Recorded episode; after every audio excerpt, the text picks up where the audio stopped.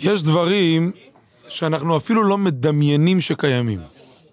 תיקח אישה מלפני 500 שנה, תביא לה טלפון, תגיד לה, המכשיר הזה יכול להציל לך את החיים.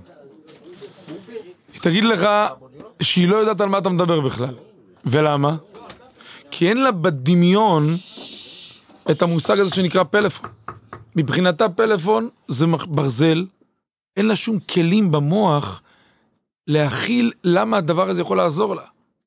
היא חיה לפני 400 שנה, היא חיה לפני 400 שנה, לא מבינה שיש דבר כזה שנקרא טלפון, יכולה להתקשר לשירותי החירום, לבת שלה, אז בגלל זה היא לא יכולה, היא מסתכלת על זה כמו חתיכת ברזל, חסרת פשר.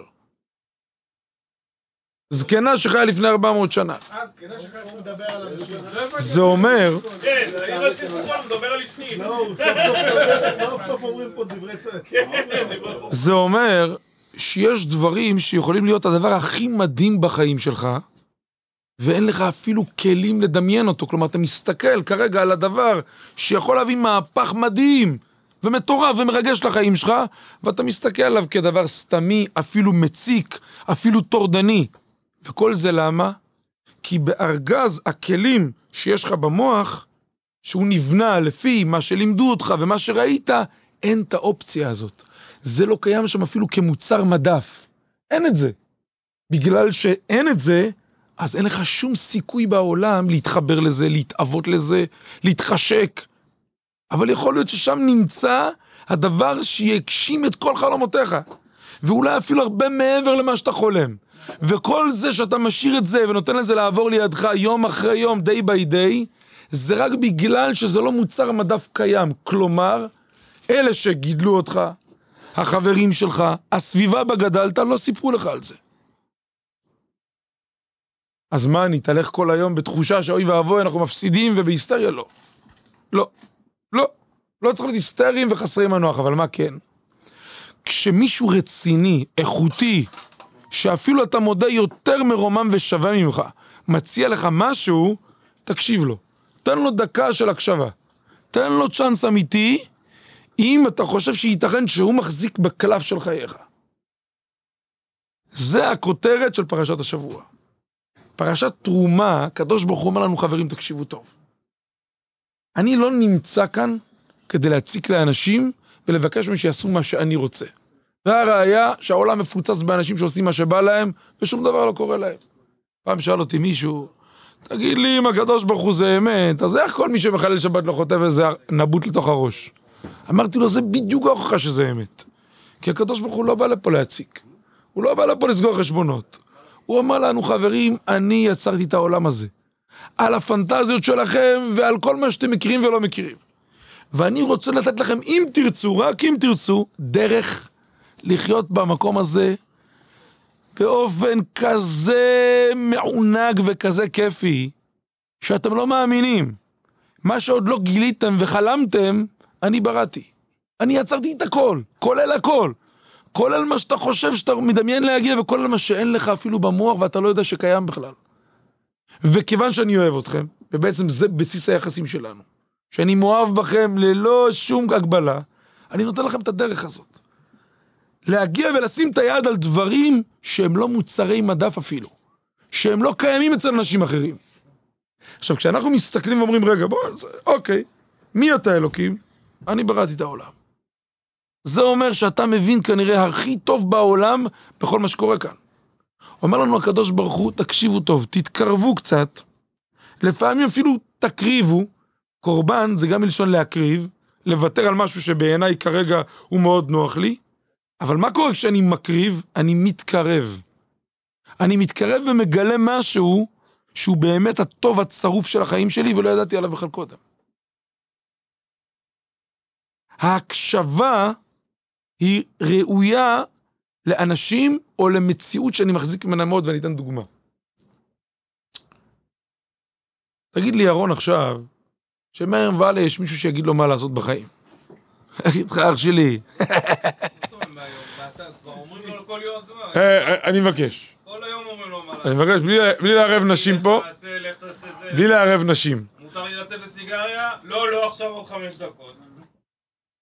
לך תגיד לבן אדם את החירות אתה לוקח לו, יגיד לך אח שלי עד פה. תן לי מיליון, תן לי שתיים, חירות אני לא מוותר. אני רוצה לספר לכם סיפור. יש לי ידיד באילת, בלי שמות, כי זה הולך לכל מיני מקומות, שיום אחד בגיל 40 מצא את עצמו נכנס לכלא. פעם ראשונה. קיצר, כשהיה בתהליכים של הכניסה לכלא, הוא אמר, מה, אתה יודע, big deal. יש חבר'ה, יש אוכל, יש צחוקים, קצת מנוחת הנפש, קצת להתנתק מהעבודה, לקחת break, גם זה לא לתקופה ארוכה, נראה לו סביר לגמרי.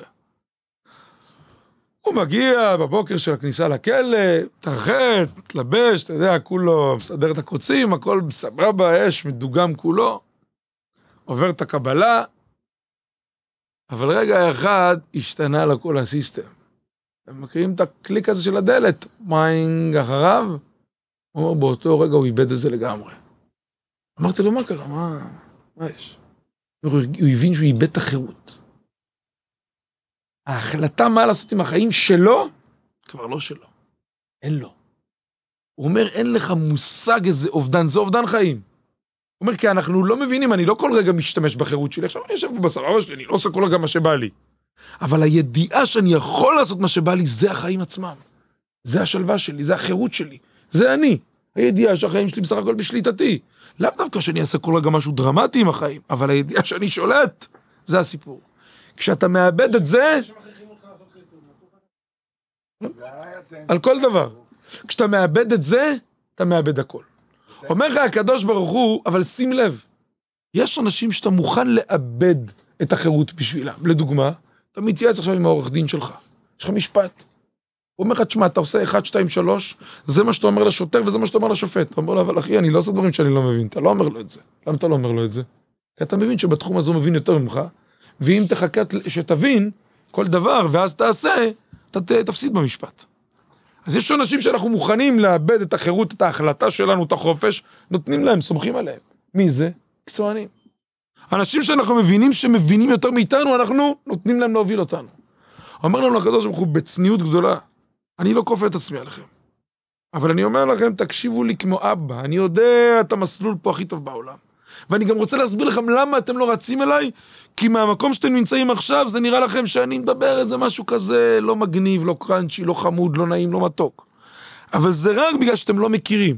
כמו אותה זקנה מלפני 400 שנה, לא מכירה את תועלת הפלאפון, יכול להציל את החיים, יכול להביא לה מידע חיוני ברגע האמת. אומר הקדוש ברוך הוא, זה בדיוק הסיפור שלי. זה עניין של היכרות, אתם לא מכירים אותי. בואו נעשה היכרות אמיתית. על מינונים שאתם תקבעו. אתם תקבעו את כמות הדייטים השבועית. אתם תחליטו מתי נפגשים, מתי לא. אבל תנו לזה צ'אנס. פעם בשבוע, פעם בשבוע, no more. שבת, ביקשתי מכם לשמור, לא מתאים לכם, סבבה, אני מכבד את זה. במהלך השבת יש לכם פה דקה, שם דקה, ויתור על סיגריה אחת. שיחת טלפון נכנסת, זה בשבילך בורא עולם, מסתדר לי. זה דייט, אחי, יצאנו לדייט. זה ההיכרות שלי איתך, נותן צ'אנס. לא מתחבר אליך, לא, אתה לא מגניב אותי, אבל אני מבין שזה בגלל שאני לא מכיר אותך. כי גדלתי אחרת, אבל נותן צ'אנס. כמו שאני סומך על העורך דין שלי, על הרופא שלי, על היועץ שלי, נותן לו להוביל אותי, אתה ראוי לקרדיט לא פחות מהם. התוצאה היא, אני פתאום מכיר את הדבר הכי יפה, הכי כיפי והכי טוב בעולם, שסלדתי ממנו והתרחקתי ממנו בגלל איך שגדלתי ומה שהכרתי. זה בדיוק התסריט של דבר שאני רואה בו כלום, סתמי, טורדני, והוא מתברר כאחד הדברים הכי מדהימים, ושפטתי אותו בגלל איך שגדלתי והתרגלתי. וזה הפר...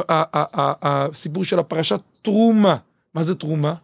כשאתה תורם, כשאתה נותן מעצמך לבורא עולם דקה, שתיים, אתה מתרומם פתאום למקום אחר. תרומה מלשון תרום, תתרומם. תגיע למקום אחר. תרגיש, ת, ת, תרגיש איכות חיים בליגה אחרת. לא רק שלא ידעת, לא ידעת שהיא קיימת אצל מישהו, לא ידעת אותה בתור מוצר מדף אפילו. למה? כי לא הכרתי. אז לא צריך להיבהל מדברים שאני לא מכיר, צריך לתת להם צ'אנס. פה דקה שמירת שבת, פה דקה צדקה, פה תפילין, אני תואם, כמו שדוד המלך אמר, טעמו ראו, כי טוב השם. מבחוץ, אם לא טועמים מסתכלים, וואלה, העולם נראה יותר מגניב. אבל כשתואמים, וראו, תראו שטוב השם. השם ישמור אתכם, שיהיה נאו.